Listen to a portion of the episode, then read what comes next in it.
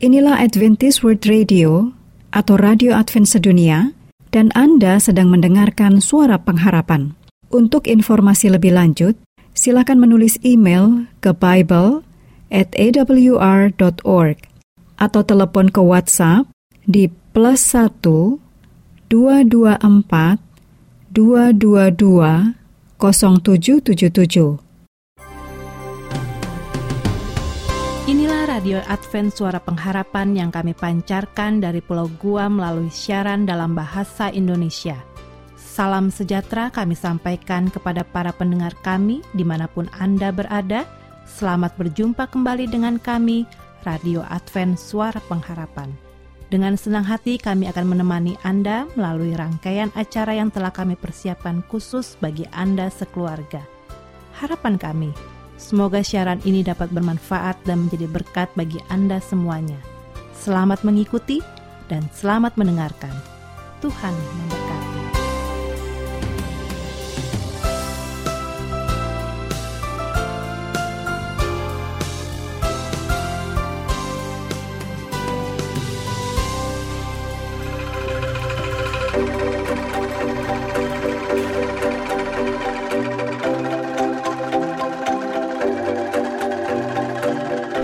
Pendengar yang dikasihi Yesus Kristus di mana pun Anda berada, kembali lagi dengan kami, Radio Advent Suara Pengharapan. Dan saat ini, kita akan memasuki acara yang pertama, Ruang Mendidik Anak. Yang pasti sangat cocok untuk para orang tua dan wali, atau siapa pun yang memiliki tanggung jawab mengasuh anak. Arahan dan petunjuk yang disampaikan dalam program ini mengacu kepada petunjuk Allah, baik dari kitab suci, juga pena inspirasi, yang merupakan tulisan yang diilhamkan. Namun sebelumnya, mari kita dengarkan lagu pujian yang berikut ini. Dari studio, kami ucapkan selamat mendengarkan.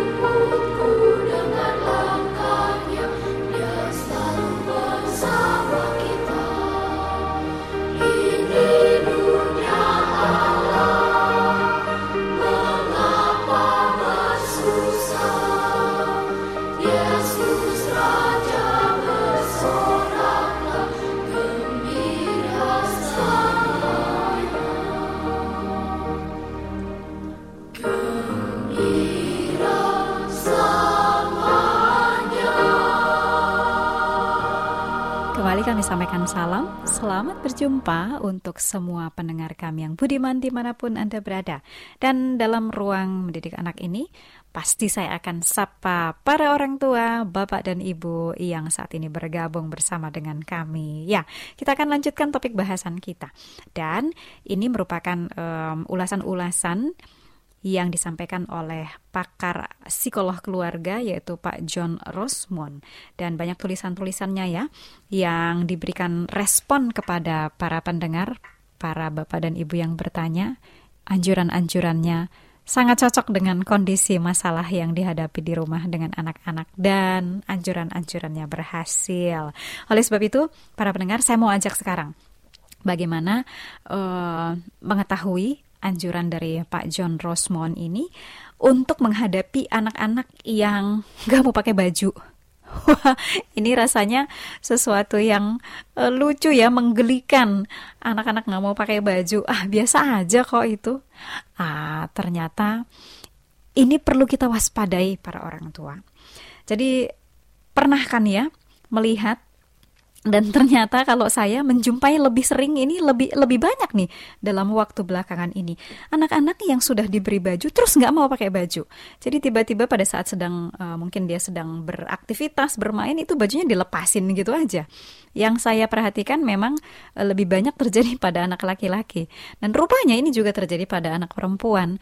Nah, bukan saja masalah etika dan lain sebagainya, tapi kalau kita melihat kepada pertumbuhan anak, ini adalah hal yang harus diwaspadai oleh orang tua karena ini kalau dibiarkan akan menjadi masalah besar yang arahnya adalah kepada gangguan.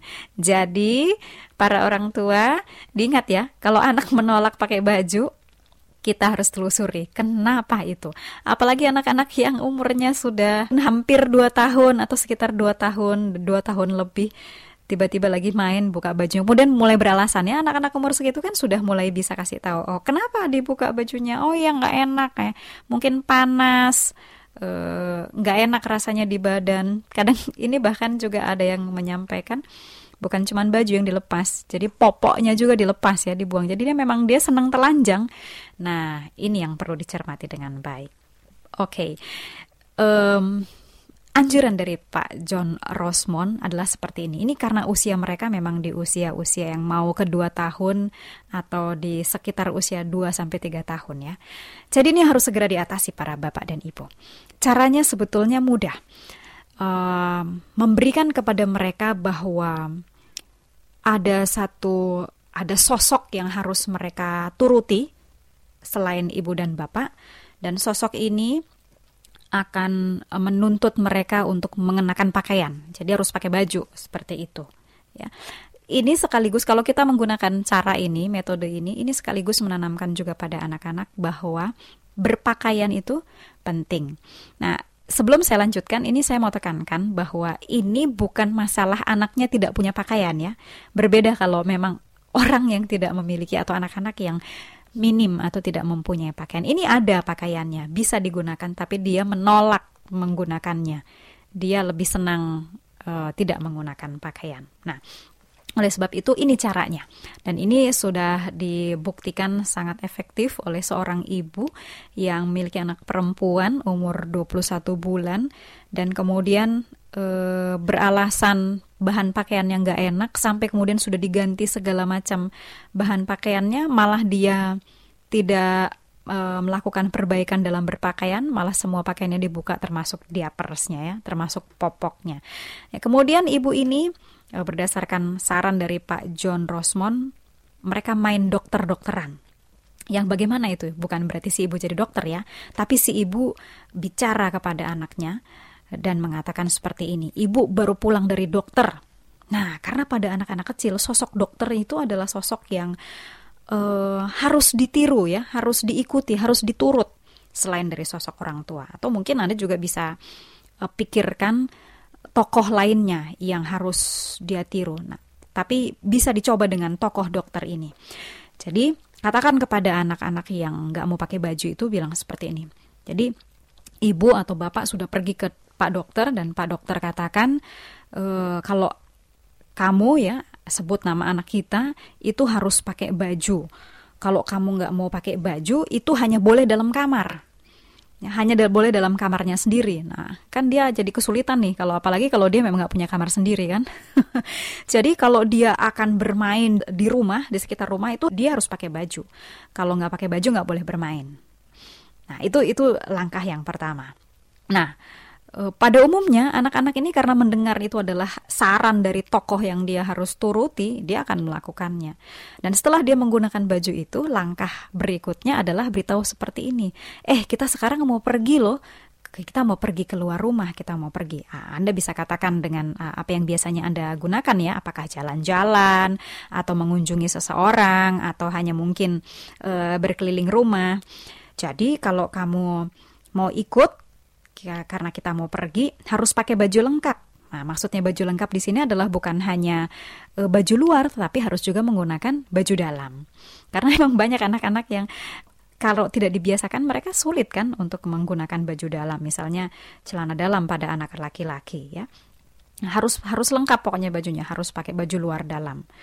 Uh, sehingga dan kemudian karena anak-anak ini sudah cukup sudah umur hampir 2 tahun kan mereka sudah seharusnya bisa menggunakan baju sendiri. Jadi anda tinggal siapkan bajunya kemudian katakan ini bajunya dipakai semuanya kalau memang perlu bantuan kasih tahu ibu ya kasih tahu bapak nanti kami bantu. Nah jadi itu yang akan kita lakukan. Kita akan uh, tunjukkan kepada anak-anak ini ada tokoh tertentu yang mengharuskan mereka itu memang pakai baju. Dan Sebetulnya tidak usah terlalu khawatir para ibu dan bapak kalau kita lakukan hal seperti ini tidak sampai satu minggu biasanya anak-anak sudah sangat biasa untuk menggunakan bajunya dengan lengkap. Jadi eh, kebiasaannya untuk buka-buka baju atau telanjang berlari ke sana kemari itu akan bisa teratasi sebelum menjadi mengarah kepada gangguan yang lain ya. Jadi simpel sekali. Oleh sebab itu kalau anak ini mulai merengek ah nggak mau jangan uh, dilanjutkan perdebatannya uh, yang dikatakan adalah kalau mau main di dalam rumah harus pakai baju. Nah, sekarang kita mau jalan-jalan keluar harus pakai baju lengkap. Itu saja. Kalau misalnya dia mulai rewel, tidak usah uh, argue, jadi tidak usah terlibat dalam percakapan tawar-menawar. Katakan saja, oh kalau begitu sekarang kamu masih belum bisa pakai baju. Kalau begitu kamu belum boleh main, ya. Atau oh ya kamu belum saat ini kamu uh, belum mau pakai baju dalam. Kalau begitu belum bisa jalan-jalan keluar. Nah, jadi anak-anak ini uh, umumnya sangat tertarik untuk bermain dan berjalan-jalan keluar, sehingga mereka akan mengutamakan kegiatan itu dan mengenakan baju mereka. Demikianlah Bapak Ibu, waktu juga yang membatasi kita. Saya sangat berharap bahwa informasi ini uh, boleh bermanfaat bagi kita sehingga kita bisa segera mengatasi perilaku-perilaku anak-anak nggak mau pakai baju ini ya sebelum kemudian menjadi um, hal yang sulit diatasi dan uh, menjadi gangguan yang lebih serius. Terima kasih untuk perhatian Anda. Uh, sampai berjumpa pada kesempatan berikutnya. Salam dari studio untuk kita semua.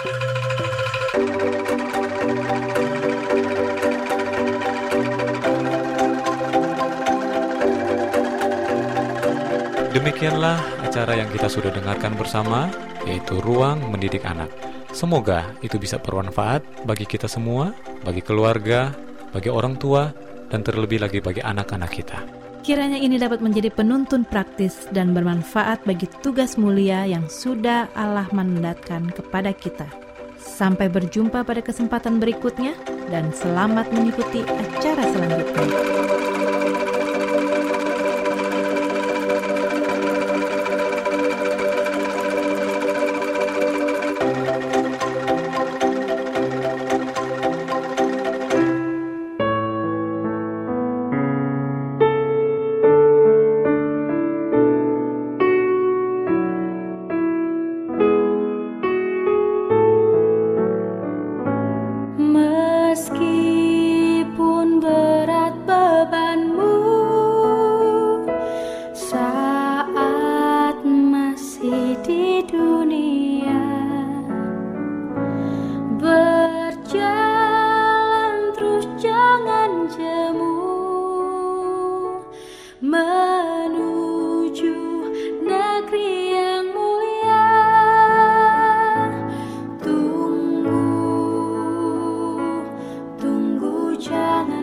Christmas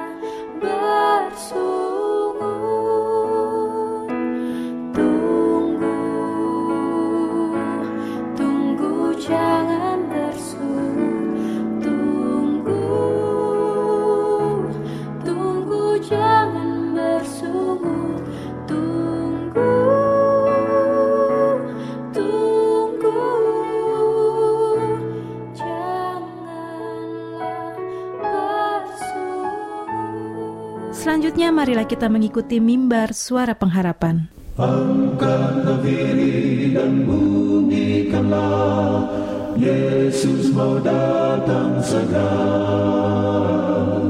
Nyanyi musafir dan pujikanlah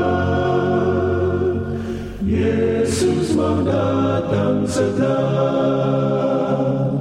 Datang segera mimbar suara pengharapan dengan topik pembahasan hari-hari sekolah. Selamat mendengarkan. Bangsa marah itu tandanya Yesus mau datang segera Pengetahuan bertambah-tambah Yesus mau datang segera datang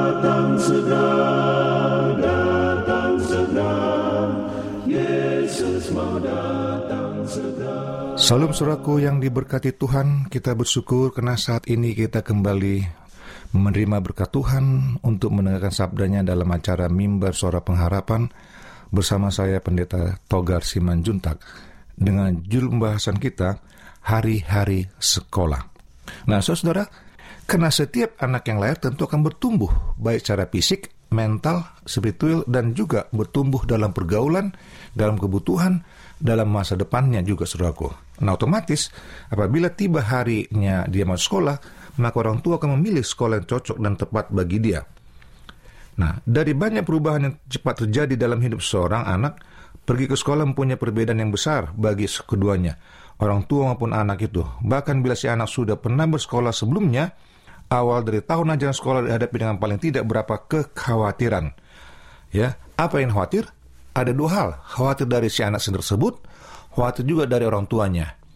Yaitu anak tersebut akan merasakan ada suasana yang berubah, ya. Bagaimana tersebut akan berganti suasana dari rumah yang begitu nyaman, suka-suka, jalan ke mana, mau apa pun melakukan, mau mengompol, mau pipis, mau, mau apa saja, mau makan, ya. Ya bukan berarti tidak ada aturan, ada, cuman artinya tidak ditentukan jamnya dan tidak harus duduk lama-lama. Dan di sekolah suasana yang berbeda, dia akan menghadapi banyak orang, bahkan guru yang belum tentu gurunya bisa bertindak sebagai guru yang familiar atau guru yang bisa mengayomi. Ya, dan anak itu biasanya dimulai dengan uh, eh, TKA atau TKB yang juga lalu kemudian dia beradaptasi menjadi SD, SMP dan SMA. Nah, transisi yang paling awal dari TK itu saudaraku ini membuat anak itu kadang-kala bisa menjadi stres ya menjadi stres. Itu yang perlu diperhatikan oleh orang tua. Jangan sampai di hari pertama atau minggu pertama sekolah dia sudah stres, maka dia akan pengaruhi akan kemauannya, rencana sekolah di masa yang akan datang. Lalu karena pentingnya sekolah hidup seorang anak adalah kesempatan yang indah bagi keluarga dalam gereja juga untuk menyadari itu dan membantu mendukung para orang tua, lalu guru-guru dan anak-anak tersebut yang akan segera mulai masuk masa pendidikan awalnya. Bagaimana kita harus lakukan demikian? Lalu katakan program-programnya, aturlah dengan sekolah setempat, ya, di mana anak itu akan disekolahkan. Memilih tempat yaitu harus sangat menentukan, karena harus lihat akan jaraknya. Bagaimana nanti siapa yang mengantar, siapa yang menjemput, ya. Lalu lihat bagaimana program tersebut, bagaimana akan guru-gurunya. Harus juga diperhatikan oleh orang tua. Bagaimana juga akan uh, mungkin rencana-rencana sekolah tersebut lingkungannya harus dilihat. Karena bagaimanapun juga kalau sekolah itu lingkungannya mungkin di samping terminal itu sangat riskan bagi anak tersebut karena akan terpengaruh bagi orang-orang sekitar tersebut dan bisa akan juga pengaruh dengan anak-anak dari terminal tersebut. Walaupun mungkin dari segi kemudahan mendapatkan angkutan memang, tapi jangan lupa Soko, apabila samping terminal itu sangat pengaruh, belum lagi dari segi cuaca yang kurang baik, kurang bersahabat ya udara ya yang kurang bersahabat. Nah, lalu kemudian lihat apakah ada program-program dalam sekolah tersebut untuk mengadakan acara orientasi sebagai murid baru orang tua dan itu perlu direncanakan sehingga anak itu pada saat baru masuk dia pun dimerasakan adalah diterima dengan baik oleh teman-temannya dan guru-guru sekolah dan lingkungan. Lalu juga buatlah untuk sekolah tersebut dan gereja mengadakan seminar bagi orang tua yang mempunyai usia anak sekolah, baik di rumah maupun di sekolah ataupun di gereja. Tunjukkan sebuah video kepada anak-anak yang menekankan tentang pentingnya sekolah sebagai pekerjaan mereka. Ya, perlihatkan bagaimana sekolah itu penting untuk masa depan mereka. Sama seperti ayah dan ibu bersekolah lalu punya pekerjaan yang bagus, ya. Buat jangan tonjolkan akan orang-orang yang tidak bersekolah, ya. Jangan tapi boleh singgung bahwa inilah resikonya kalau orang tidak bersekolah, ya, yang tidak jelas masa depannya. Lalu kemudian rencanakan sebuah penyerahan singkat di semua tahun ajaran sekolah bagi anak-anak yang baru pertama sekali sekolah. Menyadari pentingnya waktu ini dalam kehidupan mereka, berikan sebuah hadiah kecil untuk menolong mereka mengingat bahwa Tuhan menyertai mereka, lalu tutuplah dengan sebuah doa penyerahan. Lalu buat juga sebuah penyerahan guru-guru sekolah gereja setempat, terutama guru-guru yang adalah anggota jemaatmu. Walaupun engkau berharap untuk melibatkan juga guru-guru yang tersebut, ingatlah nama mereka adalah bawalah nama mereka masing-masing dalam doa. Tapi jangan lupa saudaraku, guru-guru dalam sekolah tersebut, walaupun mungkin anggota jemaat kita, tetaplah kita harus menghormati mereka sebagai guru anak kita. Ya, jangan juga kita membuat suka-suka kemauan kita kepada guru tersebut.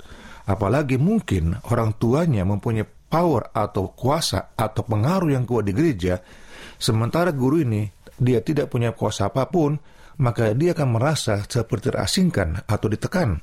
Jadi tetap hargai guru tersebut ya sebagai guru dari anak kita dan berikan dia juga keleluasan untuk mengembangkan idenya dalam mengajar anak-anak di sekolah di mana anak kita anak saudara ada sebagai muridnya. Ya, perhatikan saudaraku. Jangan kita mengadakan suatu intervensi dalam pendidikan selama itu kita lihat pendidikan yang diberikan oleh guru itu sesuai dengan firman Tuhan. Lalu kemudian ide lain boleh Anda lakukan. Lalu buatlah satu kartu ataupun catatan bagi setiap anak yang mau sekolah untuk pertama kali, karena inilah waktu yang penting dalam kehidupan mereka. Ya, memang di sekolah pasti ada kartu keanggotaan atau kartu hadir, kartu data dari siswa. Tapi tidak salah juga orang tua membuat satu kartu catatan, ya, seperti model uh, daftar hidup, daftar riwayat hidup. Lalu buatlah itu menjadi catatan dari si anak tersebut Lalu sediakan informasi tentang sekolah gereja setempat ataupun sekolah di mana anak itu bersekolah. Jadi itu boleh jadi satu masukan ke gereja. Dan jika gereja mempunyai satu, satu sekolah gereja, saudaraku, jangan lupa jauh lebih baik jika anak kita, anak saudara, ya dimasukkan dalam lembaga sekolah yang dikelola oleh gereja kita. Ya, jauh lebih baik. Lalu kemudian setelah anak itu mulai baca, maka Tuhan memberikan sebuah Alkitab ya dari jemaat atau dari keluarga supaya dia mulai melatih membaca Alkitab. Nah, saudaraku, itulah hari-hari mulai anak masuk sekolah, perubahan atau transisi yang terjadi dalam kehidupannya. Dan jika Anda mau didoakan ataupun ada hal yang Anda mau tanyakan, hubungi kami, tim mimbar suara pengharapan, dengan penuh sukacita, kami yang selalu melayani mendoakan Anda. Salam saudaraku, Tuhan berkati doa harapan kami. Amin.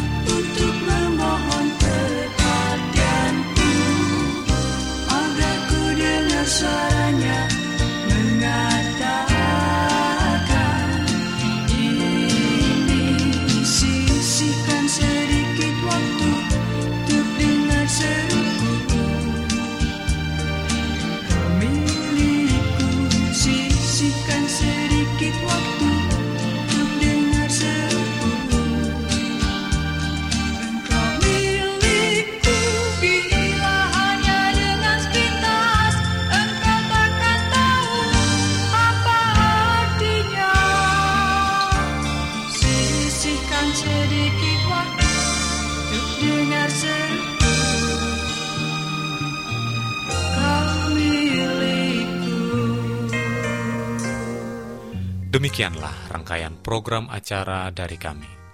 Apabila Anda mempunyai pertanyaan atau ingin mendapatkan seri pelajaran Alkitab Suara Nubuatan, Anda boleh menghubungi kami dengan mengirimkan surat ke Radio Advent Suara Pengharapan, PO Box 8090, Jakarta 12810, Indonesia.